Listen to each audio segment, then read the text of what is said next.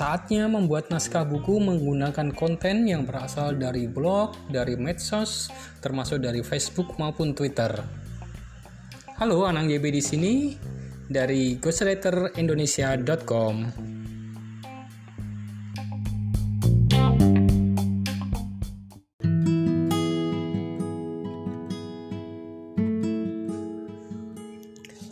Pada zamannya saya pernah mempunyai puluhan blog di internet. Waktu itu saya masih gemar mengikuti program paid review di mana kalau kita membuat sebuah review untuk situs-situs dunia kita akan mendapatkan beberapa dolar untuk setiap artikel yang kita buat gitu ya.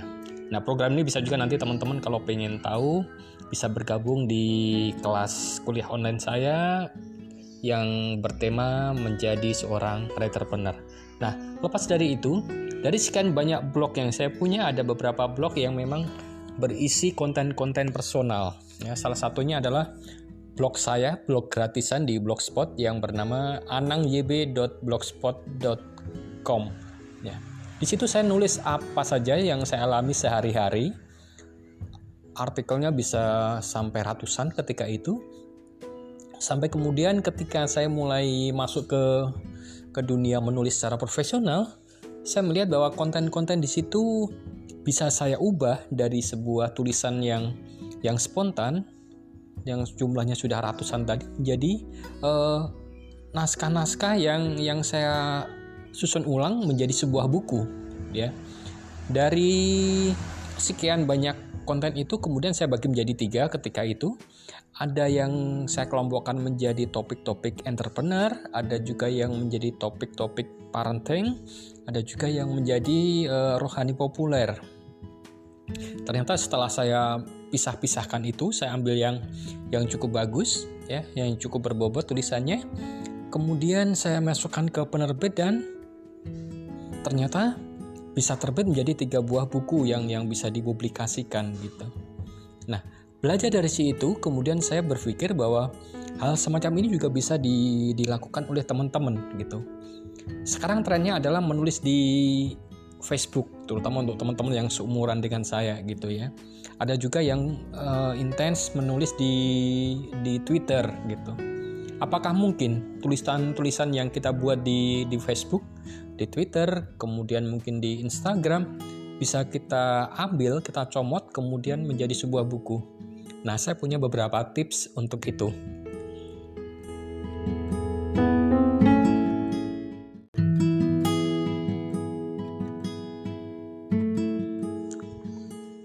Nah, Anda bisa mengecek di toko buku, ada banyak buku yang sebetulnya uh, dikumpulkan kontennya dari internet, terutama dari blog masing-masing penulisnya. Sebut saja buku wisata misalnya buku traveling. Anda tahu ada seorang penulis yang sangat terkenal di Indonesia. Dia adalah terkenal juga di dunia blog terutama yang terkait dengan traveling. Ada juga buku-buku kesehatan yang juga dikumpulkan dari tweet-tweet gitu. Ada juga buku yang memuat konten-konten pengembangan diri yang itu juga dikumpulkan dari dari banyak tweet gitu. Nah, Bagaimana untuk kita bisa melakukan itu? Jadi istilahnya kita menabung konten dengan cara menulis secara secara rutin di di akun kita di medsos sehingga suatu ketika ketika jumlahnya sudah puluhan kita bisa menarik konten itu dari medsos kemudian kita pindahkan ke dalam uh, format sebuah naskah buku.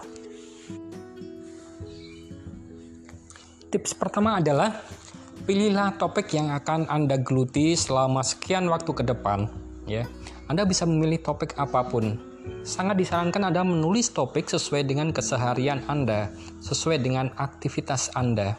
Sebagai contoh, Anda seorang psikolog misalnya.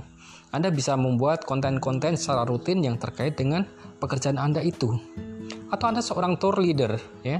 Anda bisa menulis tentang traveling, kemudian tempat-tempat yang yang asik di dunia juga tentang tips-tips tentang traveling gitu. Tapi tidak hanya itu, Anda kan juga bagian dari sebuah keluarga kan di dalam keluarga Anda. Anda bisa juga menulis topik-topik parenting misalnya gitu. Atau Anda bisa juga karena Anda mungkin punya kehidupan sosial, Anda bisa juga menuliskan misalnya topik-topik rohani populer gitu. Jadi, Anda tidak harus terpaku pada satu topik saja. Anda bisa membuat konten-konten di medsos dengan beberapa pilihan itu. Ya, bisa menjadi menulis tentang psikologi populer, menulis tentang traveling atau tentang rohani populer atau pengembangan diri kalau memang Anda bergelut di dunia pendidikan misalnya. Tips yang kedua adalah jadwalkan untuk menulis secara konsisten dalam jumlah kata tertentu ya. Sebagai contoh, ketika Anda menulis konten di Facebook misalnya, Anda bisa membuat sebuah konten setara dengan misalnya 250 kata. 250 kata itu ketika tampil di layar PC itu cukup satu tayangan gitu ya. Jadi satu orang tidak harus scroll sehingga orang tertarik untuk membaca tanpa harus berkali-kali scroll gitu.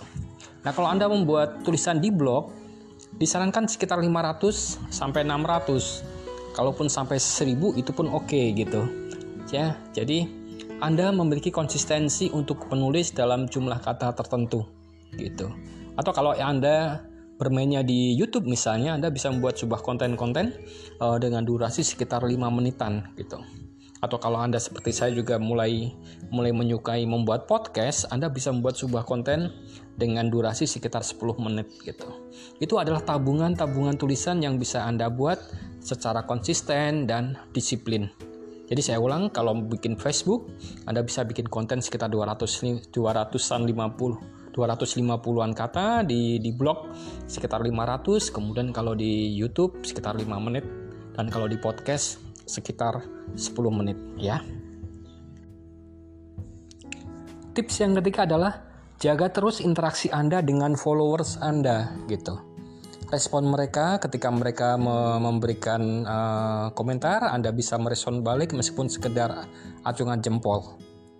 Untuk apa? Karena ini adalah untuk Anda membangun sebuah kolam ya Kenapa? Karena ketika Anda sudah punya banyak follower, Anda Anda punya hubungan yang yang erat dengan orang-orang yang menyukai posting-posting Anda, maka pada saatnya ketika buku Anda terbit, entah self publishing atau terbit di di penerbit umum, Anda sudah punya sebuah kolam, kolam uh, para follower yang paling tidak mereka lah yang akan menjadi target pasar dari buku-buku Anda.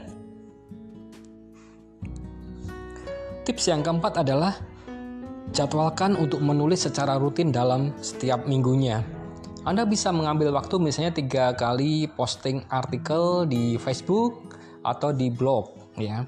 Kalau itu terlalu jauh jaraknya, Anda bisa pulang menulis setiap hari misalnya. Karena toh tidak sulit untuk membuat sebuah konten sepanjang 250 kata. Itu hanya setara dengan setengah halaman kalau Anda menulis di di kertas A4 di program Words ya. Ya, itu coba Anda praktekkan dan ada disiplin dengan jadwal yang sudah Anda buat. Tips yang kelima adalah Berikan hashtag ketika Anda menulis di Facebook dan berikan kategori ketika Anda menulis di blog gitu. Jadi misalnya saya kalau di di Facebook saya selalu menggunakan satu hashtag unik uh, menulis untuk terapi, hashtag menulis untuk terapi dan hashtag aku kuat.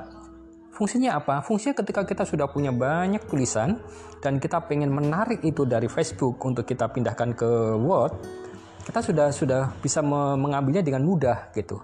Anda tidak harus scroll uh, Facebook Anda dari dari hari ke hari sampai berbulan-bulan bahkan mungkin dalam setahun itu akan sangat melelahkan. Tapi kalau Anda sudah punya hashtag, Anda tinggal memanggilnya gitu. Nah, hashtag ini juga bisa Anda pakai untuk membedakan satu artikel dengan artikel lain gitu. Jadi kalau misalnya uh, Anda punya punya artikel yang terkait dengan pengembangan diri, Anda bisa berikan hashtag yang khusus gitu. Atau Anda punya juga tulisan yang lain yang terkait dengan profesi Anda gitu. Anda seorang psikolog misalnya, Anda bisa berikan hashtag terkait dengan hal itu gitu. Jadi kalau misalnya Anda uh, dalam dalam kehidupan Anda Anda bisa menulis tiga topik sekaligus di media sosial, Anda bisa berikan tiga hashtag yang berbeda gitu. Jadi ketika Anda narik satu hashtag khusus, maka Anda sudah mendapatkan satu benang merah dari sebuah tulisan. Demikian pula di dalam blog, ketika Anda sudah bisa membuat kategori, misalnya uh, tulisan-tulisan entrepreneur, Anda berikan kategori entrepreneur secara disiplin pada setiap tulisan Anda, Anda tinggal menarik itu ya atau misalnya ada juga kategori tentang tips menulis, Anda bisa tarik itu. Ya, itu akan memudahkan Anda untuk melakukan uh, sortir naskah-naskah Anda. Begitu. Tips yang keenam adalah tambahkan poster agar tulisan Anda lebih impresif ya. Anda bisa membuat poster dengan sangat-sangat mudah ya. Saya selalu membuat poster dengan Canva ya, aplikasi Canva di Android. Itu kita mungkin hanya cukup 1-2 menit sudah bisa membuat sebuah poster lengkap dengan teksnya gitu. Di Canva juga sudah ada ribuan gambar yang bisa Anda ambil ya, gratis juga sehingga ketika Anda posting sebuah sebuah artikel di di Facebook misalnya, kemudian Anda tambahkan gambarnya, maka orang-orang yang visual dia akan pertama kali tertarik dengan gambar Anda baru nanti dia akan membaca tulisan Anda gitu. Ya itu adalah sesuatu yang yang bisa Anda pakai triknya agar orang tertarik dan suka dengan tulisan-tulisan Anda. Pancing mata mereka dengan gambar-gambar yang indah gitu.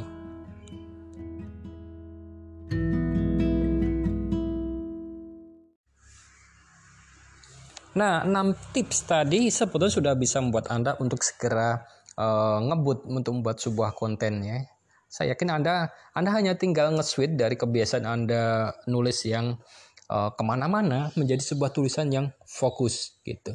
Saran terbaik saya adalah mulailah Anda menghilangkan toxic-toxic di dalam uh, akun Anda. Mungkin Anda selama ini tergoda untuk mengomentari uh, banyak fenomena politik di sekitar kehidupan Anda cobalah untuk mengubah itu sebab, sebab ketika akun Anda sudah bernuansa positif banyak inspirasi, banyak banyak informasi positif, maka orang akan lebih suka kepada tulisan-tulisan Anda. Gitu ya. Mulailah menghilangkan kata-kata negatif, menghilangkan konten-konten yang yang nyinyir di dalam uh, akun Anda gitu. Nah, sekarang bagaimana? Kalau Anda sudah punya banyak konten, kemudian Anda sudah bisa menariknya ke dalam satu file khusus. Jadi Anda tarik kemudian Anda pindahkan ke dalam satu file khusus di dalam Word Anda. Apakah konten-konten itu sudah bisa langsung dipakai? Tentu saja belum, karena Anda baru kalau masih ingat uh, tahap sebelumnya yang kita bahas di di pembelajaran sebelumnya, Anda baru sampai pada tahap memiliki sebuah draft gitu. Bahkan draft pun belum draft yang yang yang final gitu. Nah, tulisan-tulisan Anda bisa jadi ada beberapa yang sudah out of date gitu. Mungkin pembahasannya bagus, tapi sering kali ilustrasi ceritanya, kemudian contoh-contoh kasusnya adalah sesuatu yang hanya in, hanya hanya terkenal ketika saat itu. Misalnya Anda bahas soal kematian istri uh, suami seorang aktris, aktris misalnya gitu ya itu mungkin saat itu sangat trending tapi ketika itu sudah sudah sudah berpindah sekian bulan kemudian itu menjadi tidak relevan lagi Nah, yang seperti itu harus Anda kuliti, Anda cabut, kemudian Anda ganti dengan contoh-contoh yang berbeda gitu. Ya, itu itu tips pertama gitu. Kemudian yang kedua adalah Anda coba urutkan bagian-bagian yang yang cukup menarik dari tulisan Anda, Anda taruh di di bagian depan dari susunan naskah Anda gitu. Kemudian yang yang agak sedang-sedang aja topiknya Anda bisa taruh di tengah, kemudian yang bagus lagi Anda taruh di belakang sehingga ada sebuah alur yang yang cukup cukup uh, membuat pembaca menjadi nyaman gitu. Jadi mereka impresif pada saat membaca di halaman-halaman awal begitu ya. Nah, mungkin naskah yang setelah Anda kumpulkan dari banyak tulisan di medsos itu belum cukup tebal gitu. Anda mungkin baru mendapatkan sekitar uh, eh, 50 tulisan yang kalau itu Anda pindahkan ke Word hanya sekitar menjadi sekitar 50-an halaman aja di situ. Nah, bagaimana Anda melakukan pengayaan konten? Nah, ini penting untuk Anda ketahui. Konten dapat Anda perkaya dengan cerita-cerita ya, dengan narasi tambahan begitu. Jadi misalnya Anda ingin membuat sebuah buku rohani populer misalnya atau buku psikologi populer, anda bisa membuat satu artikel itu ke dalam tiga bagian utama. Ya, ini sempat saya bahas kemarin di dalam diskusi.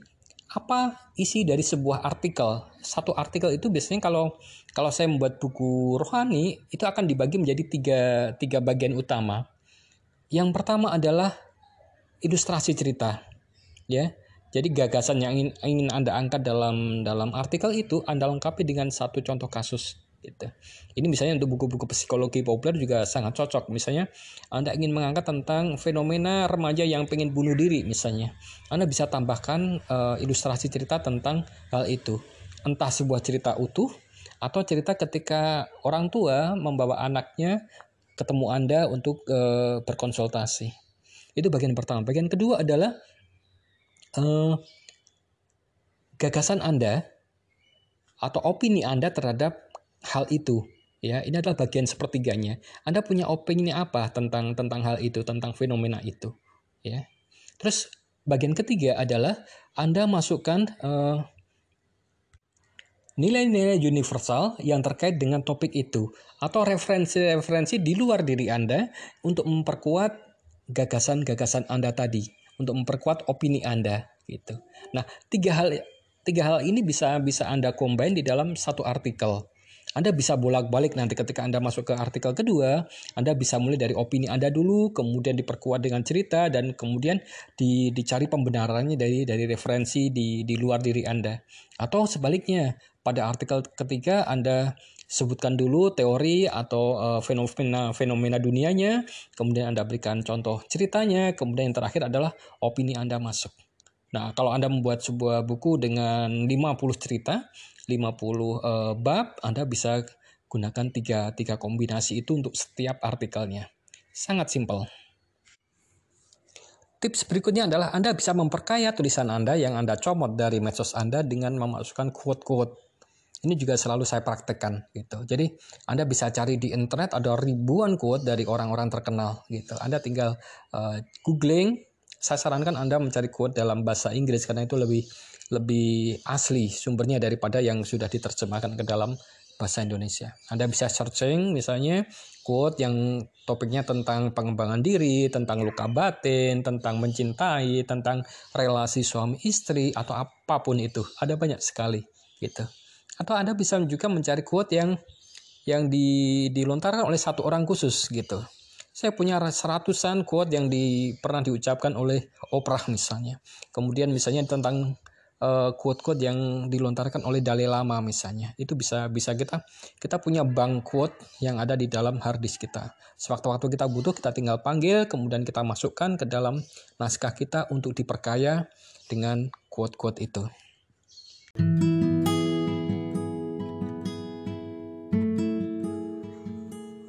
Nah, sekarang yang terakhir adalah Anda melakukan revisi atas tulisan Anda. Jadi Anda sudah membuat draft, sudah melengkapi dengan sekian banyak pengayaan konten. Nah, sekarang apa yang harus dilakukan ketika naskah itu sudah sudah lengkap draftnya gitu. Yang pertama jelas Anda harus membaca ulang dari awal sampai akhir. Seberapa up to date tulisan Anda itu harus Anda pertimbangkan penting untuk di, di, di awal. Kemudian adalah Anda harus menyamakan bahasa dari awal sampai akhir. Karena tulisan yang dibuat pada waktu yang berbeda, mungkin ada justru itu adalah konten yang Anda buat dalam rentang satu tahun. Anda harus menyamakan bahasa itu sehingga uh, bahasa itu menjadi sama gitu. Hal-hal simpel misalnya, apakah Anda menggunakan kata aku atau kata saya gitu. Itu harus Anda samakan. Atau Anda menggunakan uh, kamu, kamu atau atau Anda itu atau guys misalnya ini itu harus anda rubah lagi menjadi menjadi kata-kata yang konsisten gitu. Kemudian anda juga perlu melihat segmen pasar dari buku itu ya. Mungkin ketika anda nulis di blog anda uh, menulis uh, secara spontan. Nah sekarang anda harus mempertimbangkan juga target pasar anda. Apakah anda harus mengubah tulisan itu menjadi sedikit lebih formal? Bila iya cobalah rubah itu. Uh, ubah itu bukan rubah itu ya ubah itu gitu. Kemudian kalau Anda pengen itu untuk target remaja, coba juga Anda samakan dari awal sampai akhir tulisannya gitu. Ya, hal-hal lain tentunya Anda Anda mulai menyunting sendiri uh, tulisan Anda. Bagaimana menjadi sebuah tulisan yang menarik. Anda harus membuat sebuah lead atau paragraf pertama di setiap artikel menjadi menjadi sesuatu yang sangat menarik gitu. Kemudian Anda coba cek kata-kata di dalam satu kalimat ya kalimat yang bagus adalah kalimat yang tidak ada kata yang sama di dalam satu kalimat gitu itu harus dipastikan syukur-syukur dalam satu paragraf tidak ada kata yang sama itu lebih luar biasa lagi gitu anda bisa juga gunakan uh, kata-kata frase sehingga dari satu paragraf pindah ke paragraf yang lain bisa meluncur dengan enak, tidak loncat-loncat gitu. Nah, itu beberapa tips dari saya. Saya yakin teman-teman dari sekian belas orang yang pengen membuat naskah dari konten di medsos bisa menjadi buku dalam waktu cepat. Jadi kan teman-teman tinggal narik konten itu kemudian bukukan. Nggak usah berpikir bukunya harus tebel gitu, nulis uh, setebal 80 sampai 100 halaman pun sudah menjadi sebuah buku yang yang pasti akan punya manfaat besar buat pembaca. Oke, selamat mempraktekkan.